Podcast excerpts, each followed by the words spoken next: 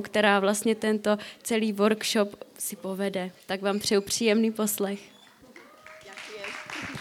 Ďakujem. Um, so, my name is Joanna Kurbel, Dva? A, moja, volám sa Joanna Kurbel. and this is my husband, Matej Kurbel. Toto je môj manžel Matej Kurbel. So, let me introduce a little bit about myself so you guys can understand why I speak English and what am I doing here. A tak o, sa predstavím, aby ste pochopili, prečo hovorím po anglicky a prečo som vlastne tu. So, I was originally born in Mexico, Ja som sa narodila v Mexiku and when I was five years old, I moved to California. a keď som mala 5 rokov, tak sme sa presťahovali do Kalifornie. I lived there for 23 years A žila som tam 23 rokov, until I got married to my husband, Matej. až dokým som sa nevydala za Mateja. And then uh, we moved to Slovakia nine years ago. A 9 rokov dozadu sme sa presťahovali o, na Slovensko. So I am a wife, a Takže- stay-at-home mom of four children, Takže som o, manželka a mamina, o, ktorá je doma s deťmi, máme 4 deti. and I'm also an evangelist. A taktiež som evangelizátor. So I basically bear witness to what Jesus has done in my life. To znamená, že svedčím o tom, čo Ježiš urobil v mojom živote. Um, and um, so we function as a very normal family from Monday through Friday. Takže my fungujeme zhruba tak ako normálna rodina od pondelka do piatku.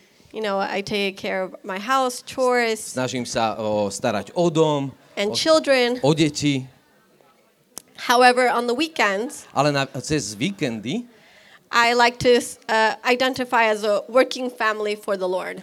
ja o, sa tak identifikujem ako pracujúca rodina pre pána.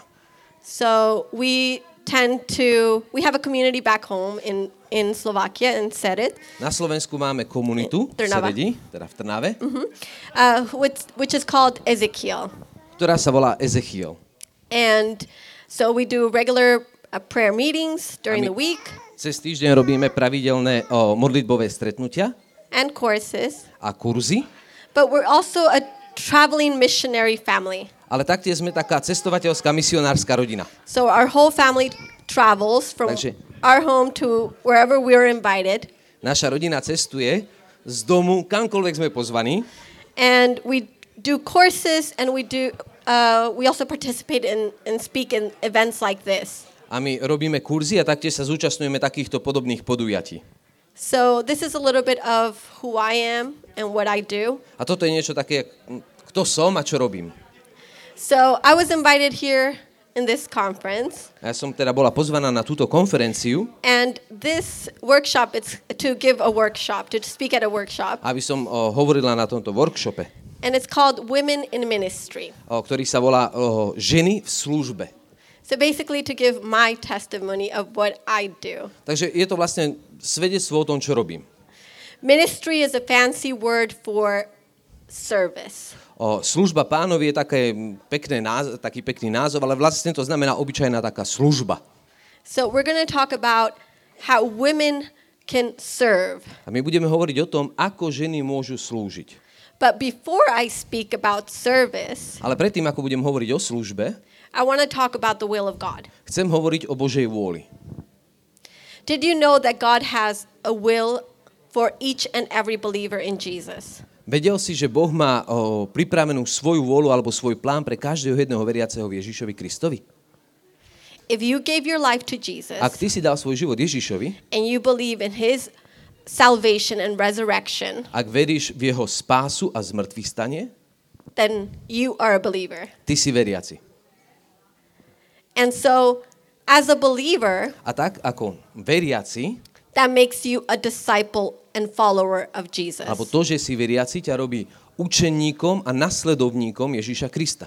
So, as a believer and follower of Jesus, that means that God has a will A ako služobník a nasledovník Ježiša Krista, to znamená, že Boh Otec má pre teba jeho vôľu, a plan jeho plán and a purpose. a jeho o, o, zmysel, alebo dô, o, zmysel určenia for your life. pre tvoj život. We want to know the will of God. My chceme poznať Božiu vôľu. Why? Prečo? Because the will of God promises Pretože Božia vôľa prisľubuje complete fulfillment. úplné naplnenie. the will of God promises complete effectiveness. Božia vôľa nám prisľubuje úplnú efektívnosť, účinnosť. It is the ability to be here on earth Je to um, schopnosť byť tunak na zemi and to live your life on earth a žiť život tunak na zemi. knowing that your life was not a waste, A je to to, že vieme, že náš život nebol zmarený. that you are here for a reason and purpose. Že sme tu pre dôvod. Že má náš život dôvod a zmysel. And you only get one chance at this. A my máme jedinú šancu. We only have one life. My máme iba jeden jediný život. The Bible says we are born in this generation for a purpose. Biblia nám hovorí, že sme narodení, alebo narodili sme sa v tejto generácii pre určitý dôvod. You actually have a job to do in this generation. Ty máš prácu, ktorú potrebuješ vykonať v tejto generácii. In the Bible, it says about David that he was on earth for a certain portion of time to live out his calling in his generations. Biblia hovorí, že Dávid žil určitý čas na zemi na to, aby naplnil svoje povolanie a poslanie. And I believe that's true for all the characters in the Bible A ja verím, and for že- each one of us here. A ja verím, že toto je platné pre všetkých ľudí, ktorých vidíme v Biblii a pre každého jedného z nás. I hope that it will be said of you. Komu? I hope that it will be said of you. O, Said of you that in the future it would be say said o, of you. o, ja verím, že v budúcnosti pre teba bude, that at the end of your life že na konci svojho života, you were woman of after God's own heart. že vy budete ženy podľa Božieho srdca. And that you fulfilled your purpose a že vy naplníte svoje povolanie in this generation. v tejto generácii. I had a personal encounter with Jesus when I was 20 years old. Ja som mala osobnú skúsenosť s Ježišom, keď som mala 20 rokov. And ever since that encounter, A od toho momentu I felt a strong calling to serve the Lord. ja som cítila veľmi silné povolanie slúžiť pánovi. I didn't know how I was going to serve him, Ja som nevedela, akú mu mám slúžiť, but I remember starting by helping out in my local church. ale ja si pamätám, že som začala pomáhať o, v mojej miestnej cirkvi. I started by doing small tasks, Začala som robiť také malé veci. cleaning, Začala som čistiť, setting upratovať, up the place, pripravovať miesta, preparing little name tags for the partic- for the people that were coming, pripravovať menovky pre ľudí, ktorí pri, budú prichádzať, uh, putting information in the computer for for future information to send them out notifications of further uh, prayer meetings. Začala som pripravovať notifikácie na počítači, o, správy, ktoré sme posielali. And I felt so good in doing these small, insignificant tasks. A ja som sa veľmi dobre cítila, keď som robila tieto malé, také bezvýznamné veci. And the práce. more I did these small tasks, A čím viacej som o, dostávala týchto, alebo robila tie, o, týchto o, malých vecí, I soon realized that God had a plan for me ja som skoro rozpoznala, že Boh má plán pre mňa in the area of service. v o, určitej službe. I must apologize for Ja a sa little one. ospravedlňujem za našu najmenšiu. She, uh, she didn't want to take a nap. Nechcela spinkať teraz po obede, And so now she's as grouchy as can be. takže teraz je taká...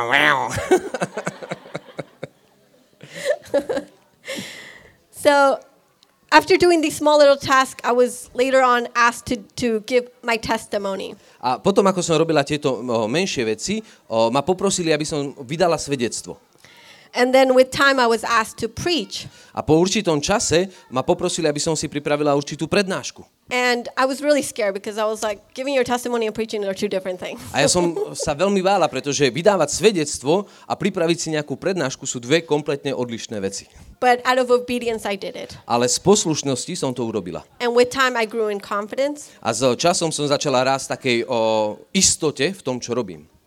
And as our group was growing, A tak ako naše, naše spoločenstvo vtedy začalo rásť, there were a lot of teenagers. bolo tam veľmi veľa tínedžerov. So then I was put in charge of the youth ministry. A o, poprosili ma, aby som sa začala starať a bola, mala na starosti službu mladým.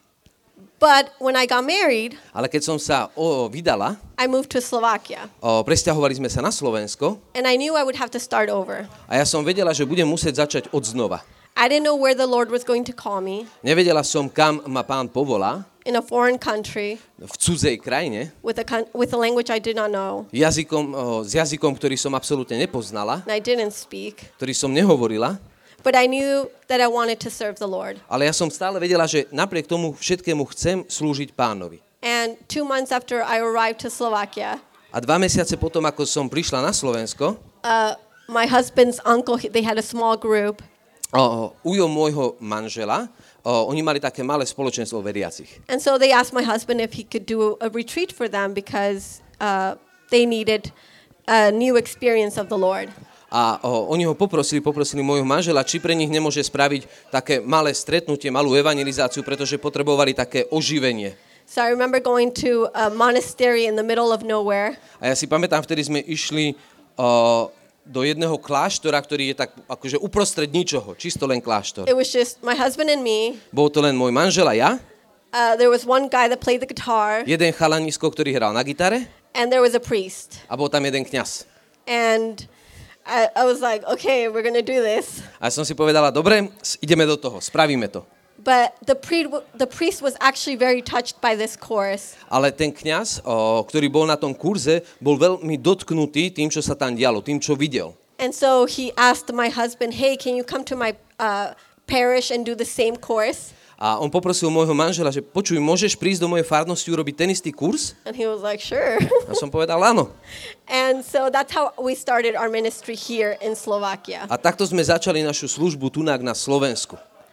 But of course, our family started to grow. Ale samozrejme, naša rodina začala rásť. We had four kids in six years. My sme mali, alebo máme štyri deti počas šiestich rokov. So we wanted to continue to do the will of God. A my sme chceli pokračovať v tom, že budeme plniť Božiu vôľu, But our lives were changing. ale naše životy sa menili. We obviously knew we, we obviously knew that we wanted to serve the Lord. My sme, pre nás to bolo určite dané, že áno, chceme slúžiť pánovi. So how do we continue to do that? Ale ako to budeme robiť, alebo v tom budeme pokračovať? Because we, we, we strongly believed in His will. Pretože my sme verili v jeho vôľu.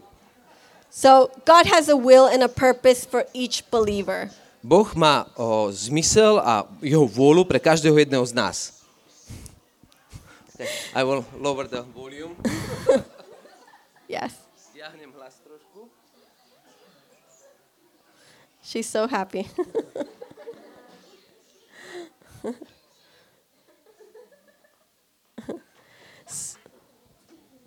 so this means that you actually have there's something in you, To znamená, že je niečo v tebe, something you possess niečo, čo ty máš, that you are to live out in this generation for niečo, this čo time. potrebuješ žiť v tejto generácii pre tento konkrétny čas. And until that is clear, A pokiaľ toto nepochopíme a nie je to jasné, there will be no fulfillment. my nebudeme naplnení.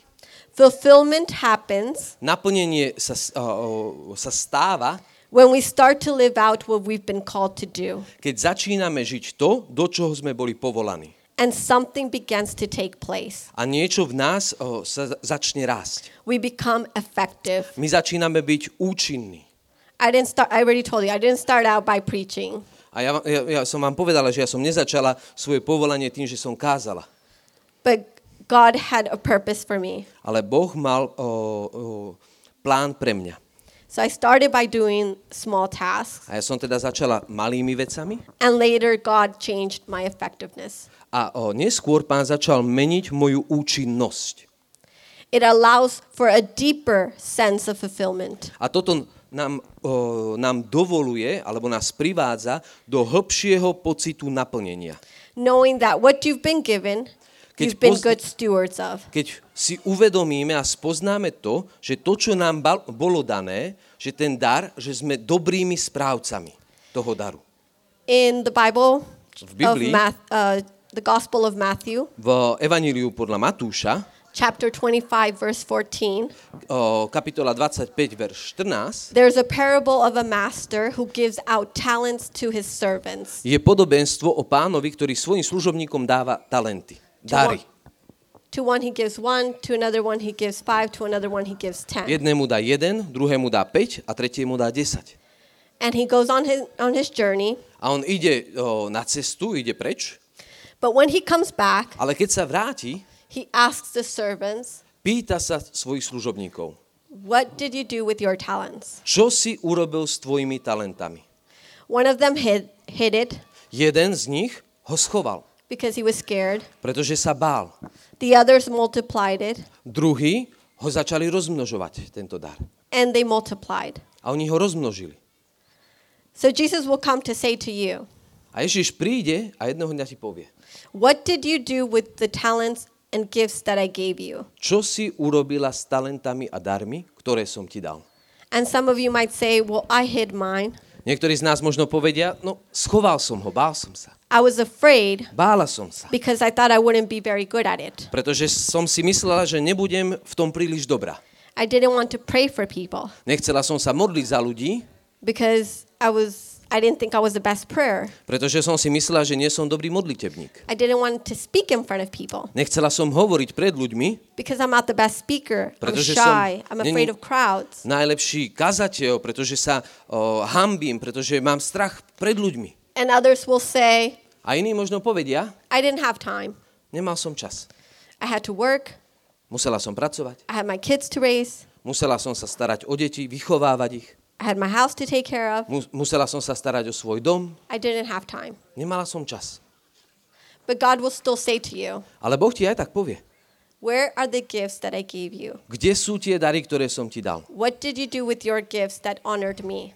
Čo, čo si urobila s darmi, ktoré mi mali priniesť slávu? God will look at you, Boh sa na teba pozrie, not your spouse, on sa nebude pozerať na tvojho manžela, not your kids, on sa nebude pozerať na tvoje deti, not your priest, nie, nie na tvojho kňaza, not your community leader, nie na tvojho lídra z komunity, but to you. ale on sa bude pozerať na teba. What did you do with what I gave you? Čo si urobila s tým, čo som ti dal? These gifts are to be used for a purpose. Tieto dary potrebujú byť použité pre nejaký dôvod. What purpose? Aký dôvod? God calls us to one thing. Boh nás povoláva k jednej veci. Mark 16:15 says, Marek 16.15 hovorí, "Go into all the world choďte do celého sveta and proclaim the gospel a ohlasujte creation." evanielium všetkému stvoreniu. Matthew 28 Matúš 18 28, 18 says, "Go and make disciples of others." hovorí, choďte a robte učenníkmi druhých. These words were not only given to the original 12, A tieto slova neboli dané len o prvotným 12 učeníkom. nor were they exclusively for pastors, A tieto slova neboli, alebo nie sú určené exkluzívne pre pastierov, evangelists, evangelizátorov, or missionaries. alebo misionárov. They are for every follower of Jesus Christ. Oni sú určené pre každého nasledovníka Ježiša Krista.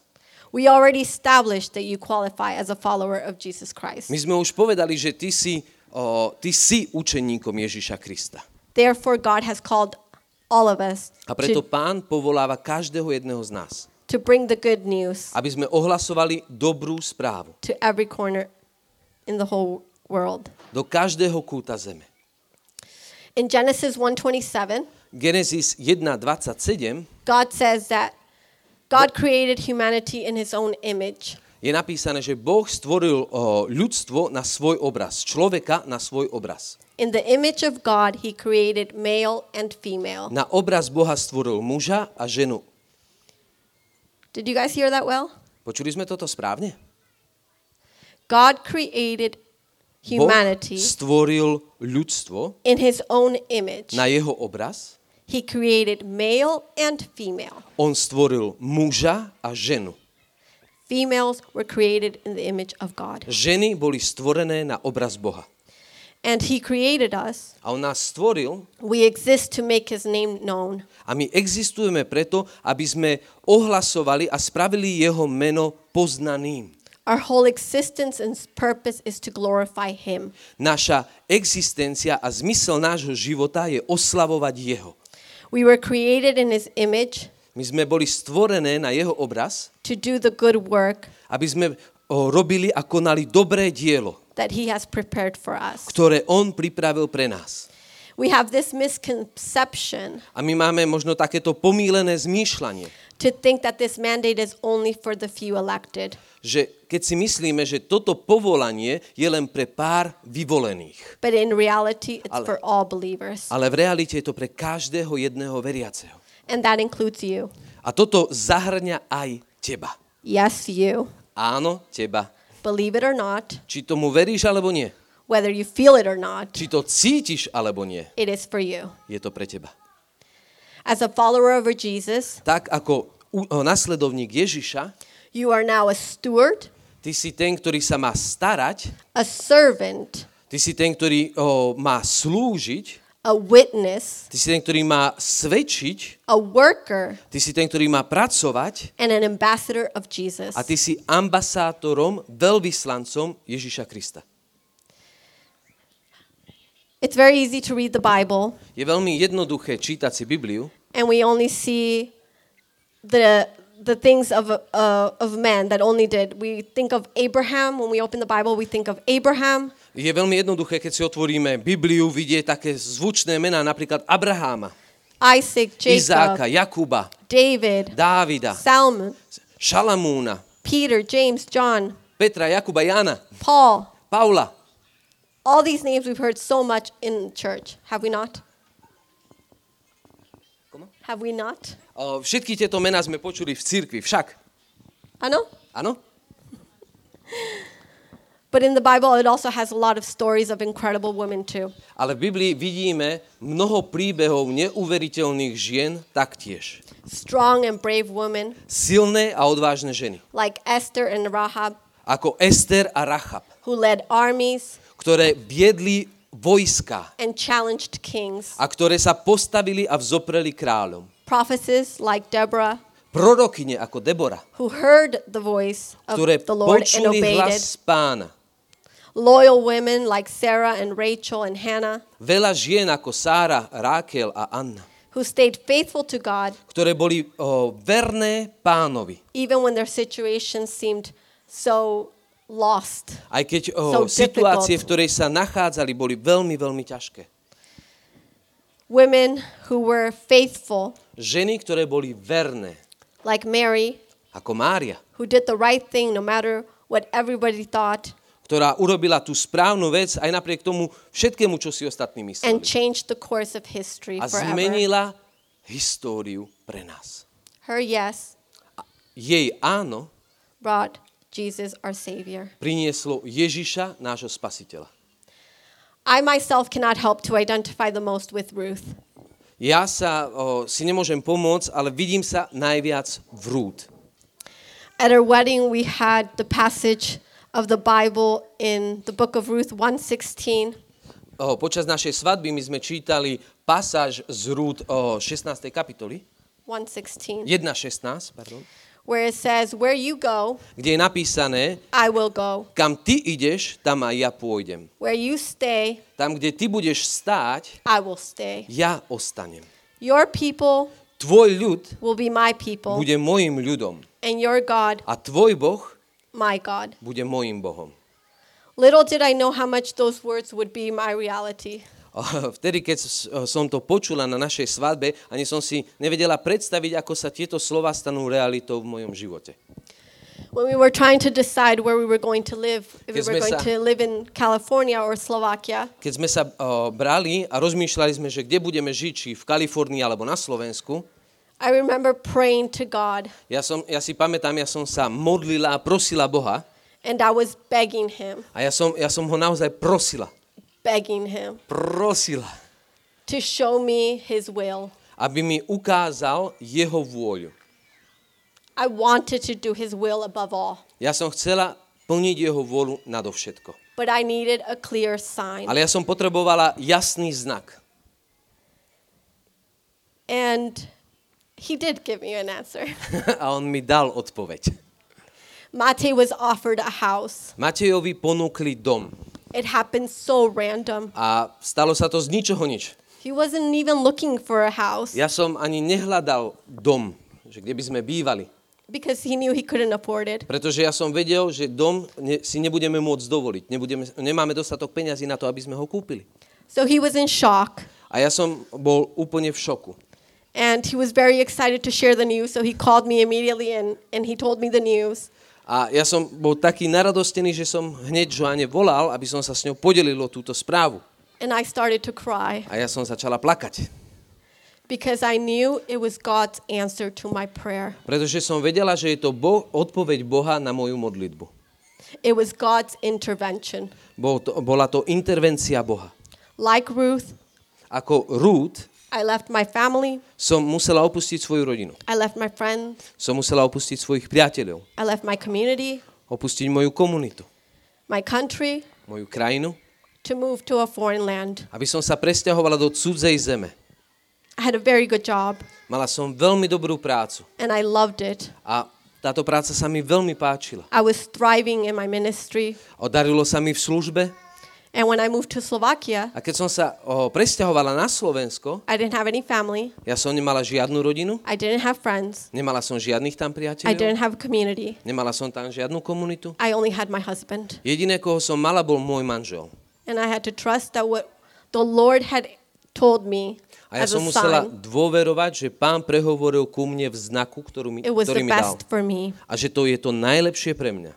He gave me a new loving parents. A on mi dal nových, milujúcich rodičov. My in-laws really took me in as their own daughter. Moji svokrovci naozaj ma zobrali za svoju dceru. I have more friends than before. Ja mám oveľa viacej priateľov ako predtým. God gave me a new community, Pán mi dal novú komunitu and my ministry has evolved. a moja služba rástla. And now we do it as a family. A teraz my túto službu robíme ako rodina. So everyone is called. A preto každý jeden z nás je povolaný. Every single calling Každé jedno povolanie serves a function slúži určitej funkcii and a purpose in the body of Christ. a o, účelu v Božom tele. tele. There is no greater reward Nie je väčšej odmeny, than to hear, ako počuť Well done, good and faithful servant. dobrý a verný sluha. That is the story of our lives. Toto je príbeh nášho života. God says that at the end of time, He will wipe our tears. Boh hovorí, a v Božom slove napísané, že na konci nášho života v nebi, že Boh nám utrie, zotrie každú slzu. What do you suppose those tears will be of? Čo si myslíš, že tieto slzy budú? I believe Ja verím, those tears že tieto slzy will be tears of regret. sú slzy... Uh, regret. Teraz mi to vypadlo. Aj. Something you didn't do. Nie, lítosti, áno. Toho, že lutujeme, že e, veci, ktoré sme neurobili, That you didn't fulfill your potential. že sme nenaplnili svoj potenciál, You didn't fulfill your calling že sme nenaplnili svoje povolanie to what God had called you to do. toho, do čoho nás Boh povolal. We didn't use our gifts. My sme nepoužili svoje dary, We didn't use our talents my sme nepoužili svoje talenty to fulfill His calling. na to, aby sme naplnili jeho povolanie. So if God has called all of us to serve, A preto, ak Boh povolal každého jedného z nás slúžiť, why don't we do it? prečo to nerobíme? There are some obstacles that prevent us from doing so. Sú určité prekážky, ktoré nám v tom zabraňujú. I want to focus just on three. A ja sa teraz zamerám na také tri základné. The first one is self centeredness, Prvé je to, že sme zameraní sami na seba. our busyness. Naše, naše zanepráznenie.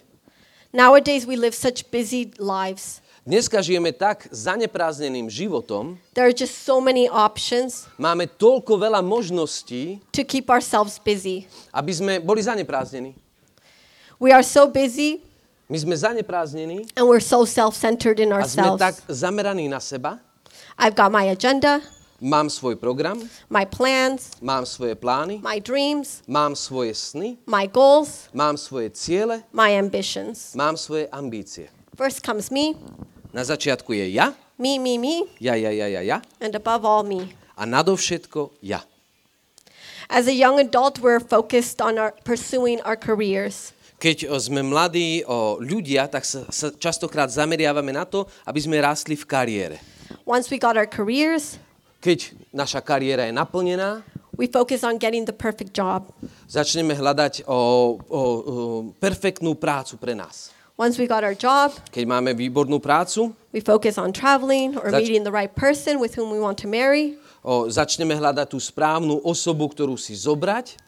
Once we get married, keď sa, keď sa zoberieme, we focus on our house and starting our sa na to, aby family. sme mali o, rodinu, aby sme mali kde bývať. Then we focus on our kids. Potom sa začneme zameriavať na naše deti. We want to have well-rounded and, and brilliant kids. Chceme mať dobre vychované, úžasné o, deti.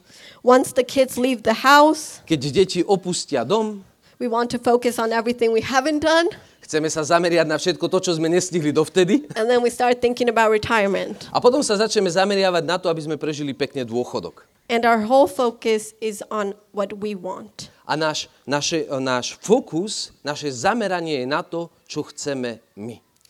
The second obstacle Druhý taký problém is perfectionism, je perfekcionizmus.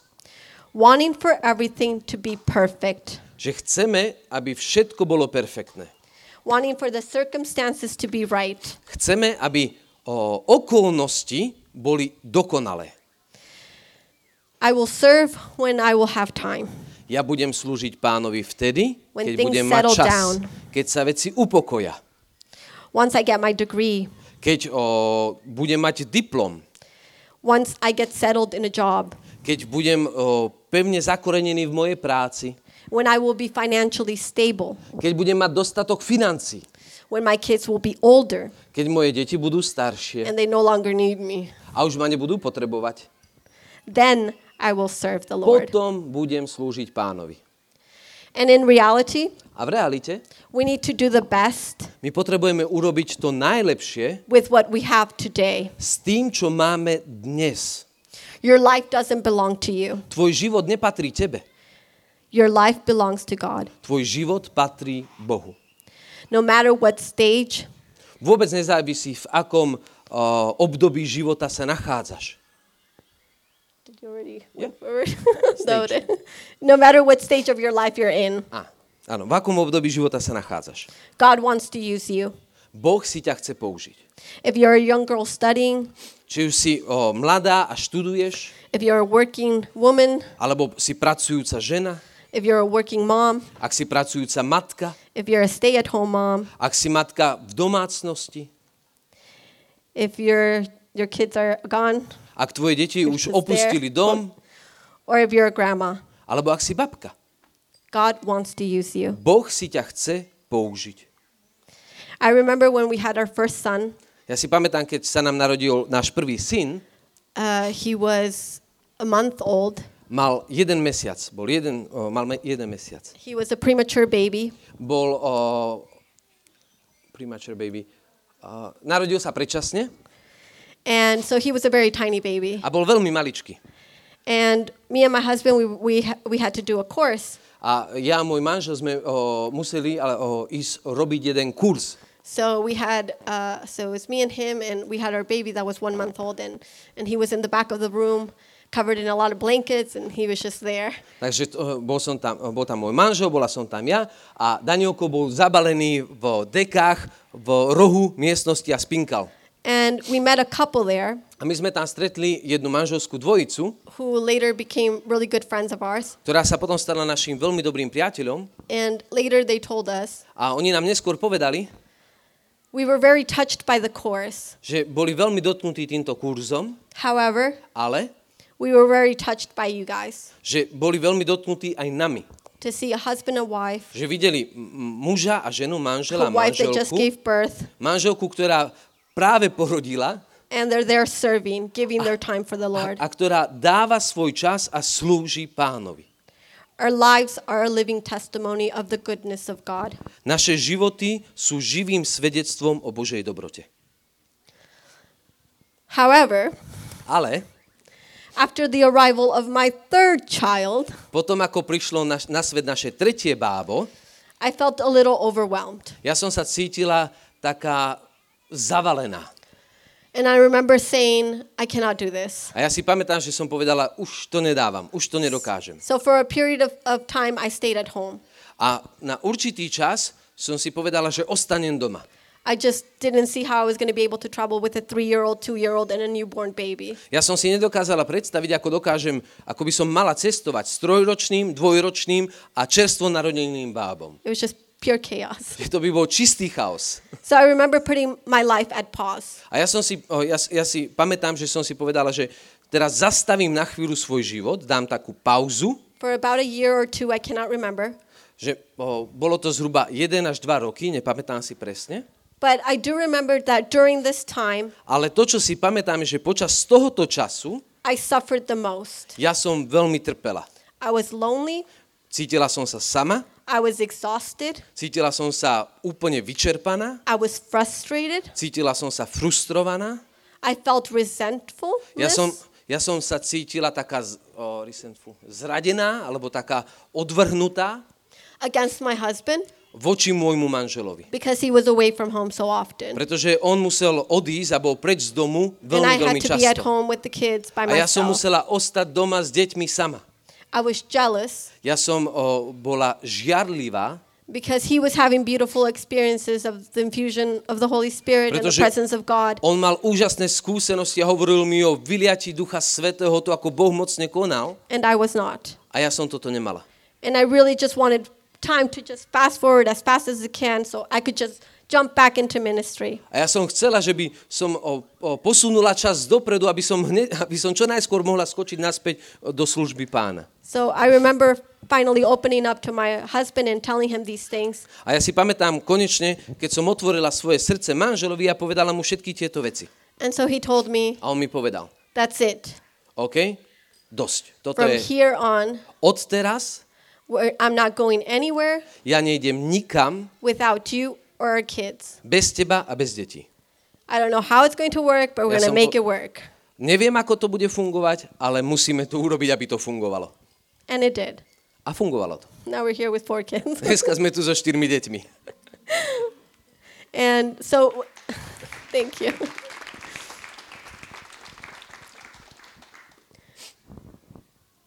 So, God uses whatever state you're in for His purpose. Boh si dokáže použiť nás v akomkoľvek štádiu života sme. And the third obstacle A tretie, ta, tretia taká prekážka is materialism. je materializmus. Matthew 6:24 Matúš 6, o, 24, it says, o, tam je napísané. "No man can serve two masters, Žiaden človek nedokáže slúžiť dvom pánom. for either he will hate one and love the other, Pretože bude milovať jedného a nenávidieť druhého.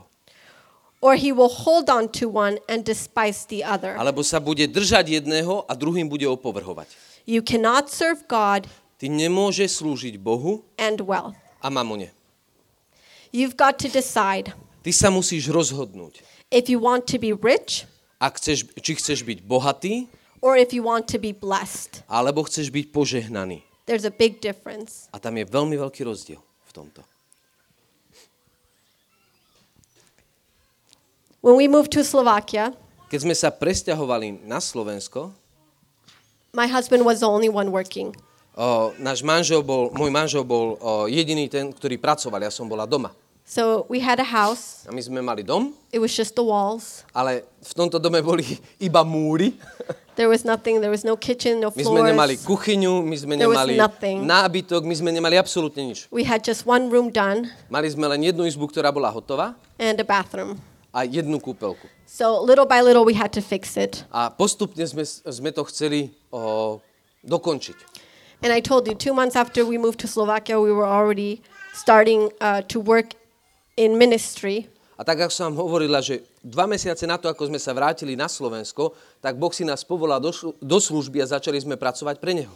And we were doing courses. A robili sme kurzy. And I remember that at the beginning, the courses, we were financing it ourselves. A ja si pamätám, že na začiatku tieto kurzy, kurzy sme financovali my sami. And that was for a couple of years. A to trvalo niekoľko rokov. And there were months A boli mesiace, when we were literally just down to pennies. Kedy sme boli doslova do písmena na konci nášho bankového účtu s centami. waiting for the next paycheck to A come. čakali sme na to, kedy príde nasledujúca výplata. And I remember telling my husband, what are, what are we going to do? A ja si pamätám, keď môj manžel sa spýtal, čo budeme robiť. And he, I remember him saying, well, let's pray about it. A ja som sa pýtal, čo budeme robiť a manžel povedal, poďme sa modliť. So we prayed A tak sme sa modlili and we told God, a povedali sme Bohu.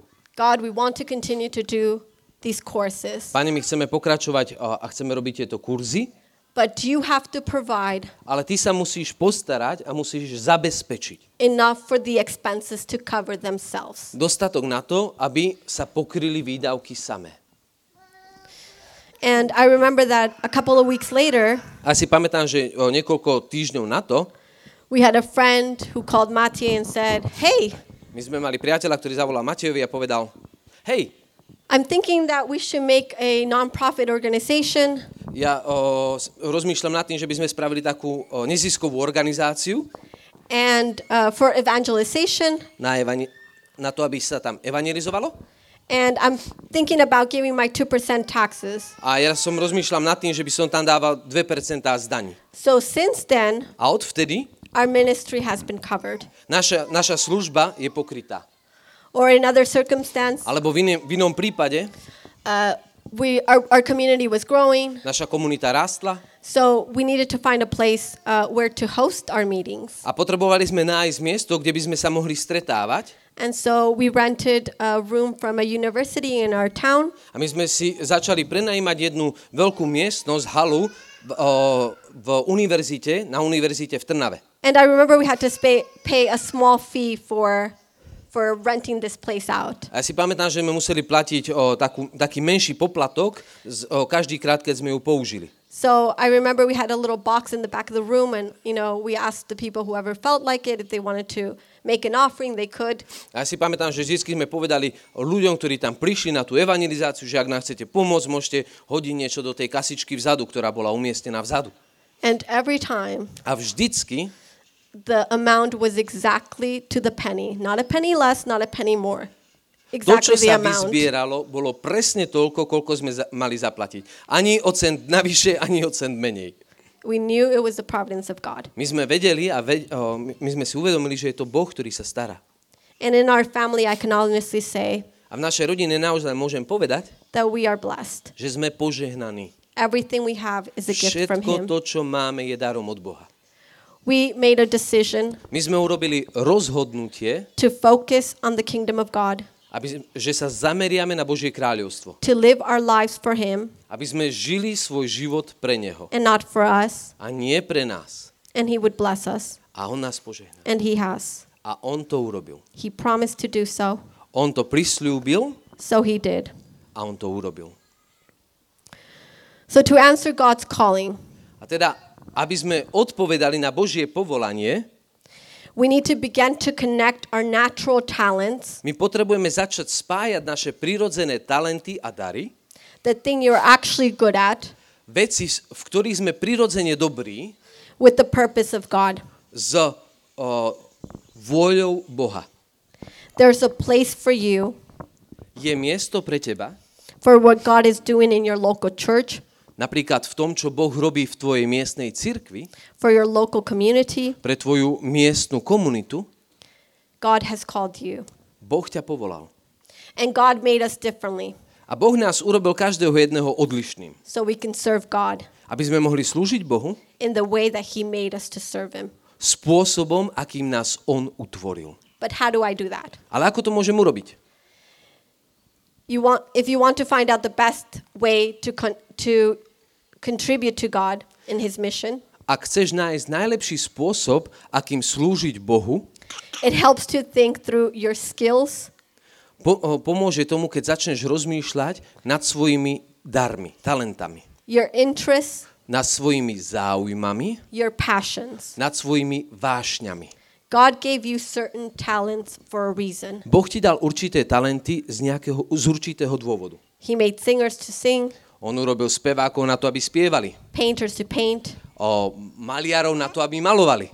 teachers to teach. Učiteľov na to, aby vyučovali. What talent did He give you? Aké talenty dal Boh tebe? Start there Začni tam and think through how this can be used to serve God. a rozmýšľaj na to, ako tieto dary využiť pre pána. There's often an overlap between your skills and your interests. Častokrát sa naše dary a naše záujmy prelínajú. When we have a perspective of who we are in Jesus Ak vieme, kto sme v Ježišovi and what we are called to do, a ak vieme, na čo sme boli povolaní, prečo sme boli povolaní, we start to live differently. začíname žiť odlišne. Our pursuits become different. To, za čím ideme, je odlišné. And we begin to cooperate with the grace of God, A začíname spolupracovať s milosťou Boha. realizing that God has called us to do something more than to live out ordinary lives. Začíname si uvedomovať, že Boh nás povolal k tomu, aby sme urobili niečo viac, ako žiť obyčajný život. God said He created both men and women in His image. Boh povedal, že stvoril muža a ženu na svoj obraz. And as women made in God's image, A ako ženy, ktoré sme utvorení na, utvorené na Boží obraz, we bear unique characteristics. my máme jedinečné charakteristiky. Both men and women represent the wholeness of God. Obidvaja, muž a žena, reprezentujú plnosť Boha. Power and love. Silu, moc a lásku. Men we think of strong and powerful. Muži boli spravení na to, aby boli silní a mocní. Women we, we can think of and say they're kind, they're loving, they're beautiful, understanding, compassionate. Keď rozmýšľame nad ženami, sú milujúce, láskavé, vášnivé, oddané. I think as women we have a lot to give A ja verím a viem, že ako ženy my môžeme dať toho veľa. to the church of God. Môžeme dať veľa Božej cirkvi. As women we bear uniqueness. Ako ženy sme jedinečné. We've been coming to this event now, I think this is our third or fourth year. My sme prišli na o, tento event, na poslaný, toto je asi tretí alebo štvrtý rok, čo sme tu. And it's just beautifully executed. A je to úžasne urobený o, event. The amount of detail that goes into it, Toľko detajlov, ktoré tu vidíme. The amount of manpower that goes into it. Toľko o, energia, sily, ktorá je tu spotrebovaná. Yesterday, I don't know if you, most of you guys were here, but yesterday there was the action of the of for the families, and there was events for the kids and everything. Neviem, či ste tu boli včera, ale včera tu bola akcia pre deti, ktorá predchádzala tomuto And, poslaní. and so they had this huge stadium, like this was like this is nothing to the stadium that was over there. obrovský stage tam dole na zastávke. And there was like different booths and stuff a boli tam rôzne stánky, všetko bolo pripravené. We went to sleep early because um, we were tired with the kids. My sme išli spať o, o, trošku skôr, pretože sme boli unavení s deťmi. But my daughter woke up at like 6:30, and there was people next to us in the room, and I didn't want to wake up because it was like 6:30. Still, no, people are still sleeping. Ale Sofinka sa zobudila o 6.30 a povedala som si, že ju zoberiem von, pretože vedľa v nás o, o, o, spali lamači, aby sme ich nezobudili. So Lamacký chvál. we came to the square, A tak som s ňou išla na námestie and there was nothing, a tam bolo nič. not even any trash. Tam, nebol žiadne, tam neboli žiadne odpadky, nič, všetko bolo krásne vyčistené. So it took literally a whole village Takže to bolo doslova, že celá dedina, of both men and women muži a ženy, to uh, to execute such thing. boli potrební na to, aby niečo takéto dokázali urobiť. It's so beautifully done and organized, A je to tak krásne spravené a zorganizované. and we can see the hands of the women in that. A my v tomto všetkom môžeme vidieť dotyk ženy. The, the, the writing, Tie písmo the napísané, lights, the flower svetla, kvety. And then you also see the the arrangement, you know, putting ti- putting things, taking things away. A tiež vidíme, ako sa pridávajú veci, odoberajú veci, rozoberajú, skladajú. But everything together Ale všetko dohromady is perfect harmony. je v dokonalej harmónii. And God created us both men and women. A Boh nás stvoril mužov a ženy. And I think that the devil, that's why he attacks the women. A ja si myslím, že toto je dôvod, prečo diabol útočí na ženy. Because if you can create division, Pretože ak on je schopný vytvoriť rozdelenie, you you divide. If you can divide, ak on dokáže oddeliť, zvíťazí. and when I see um, Ondra and Veronika Liška, A keď vidím Ondra a Veroniku Liškových, they they, they they've been prog- they've been programming this this event and they do it beautifully and they executed down to the last thing. Oni, pr- o, oni sa zúčastňujú na o, o, to, o, tejto akcii, o, pripravujú to do najmenších detailov And I see them as a powerhouse together in unity. a ja vidím, ako mocný, o, o, vidím ich ako mocný dom, ako mocnú domácnosť, ktorí sú zjednotení. How the Lord v jednote. uses them. A vidím, ako ich Boh žehná. And they can do more together A oni dokážu spraviť viac spolu, than they can do by themselves. ako by dokázali spraviť, keď sú oddelení. So the time to serve the Lord is now. A preto čas na to, aby sme slúžili pánovi, je teraz. It says that a man builds a house, O, je napísané, alebo hovorí sa, že o, muž postaví dom, but a woman builds a home. Ale No, the other way around. he builds the house. on postaví dom, ale žena spraví domácnosť. Domov. And that is true. A, a to je pravda. So, do you want to build a house on the sand A preto sa musíme spýtať, chceme budovať alebo postaviť dom na piesku or on a solid foundation? alebo na pevnom základe? A foundation based on sacrifice and service. Základe, ktorým je služba a obeta.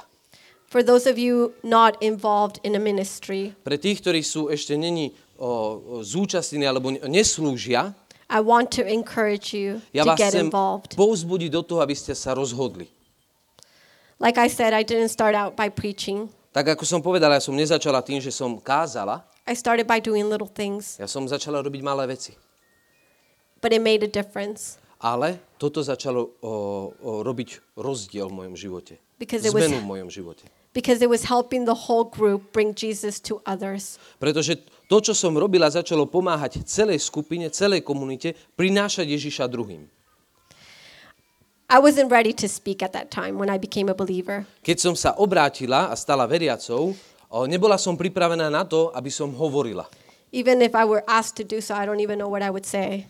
Aj keby ma niekto poprosil v tom čase, poď kázať, nevedela by som, čo povedať.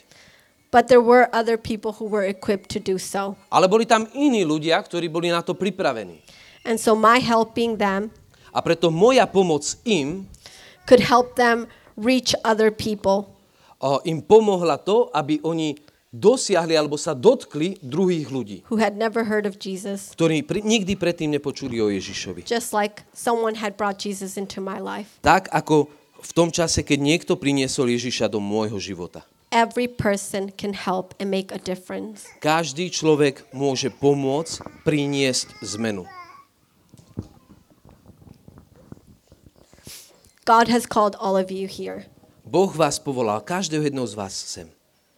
I think that if you are here, A ja si myslím, že ak si tu dneska, it's because God has a calling for you je to preto, lebo Boh má pre teba povolanie. to say yes.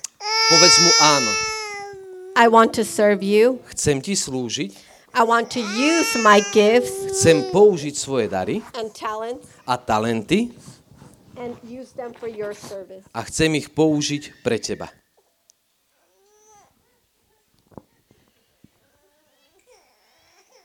Nespala. Poď, Gabi. A preto chcem sa za vás teraz pomodliť. Chcem sa modliť za každého jedného z vás. Aby vás Boh posilnil, aby vo vás zbudil nového ducha a novú túžbu slúžiť. Aby váš život mal zmysel. Pre túto generáciu. Pre tento čas. Aby vy ste použili svoje dary. Aby ste urobili zmenu v službe živému Bohu. Amen. Amen.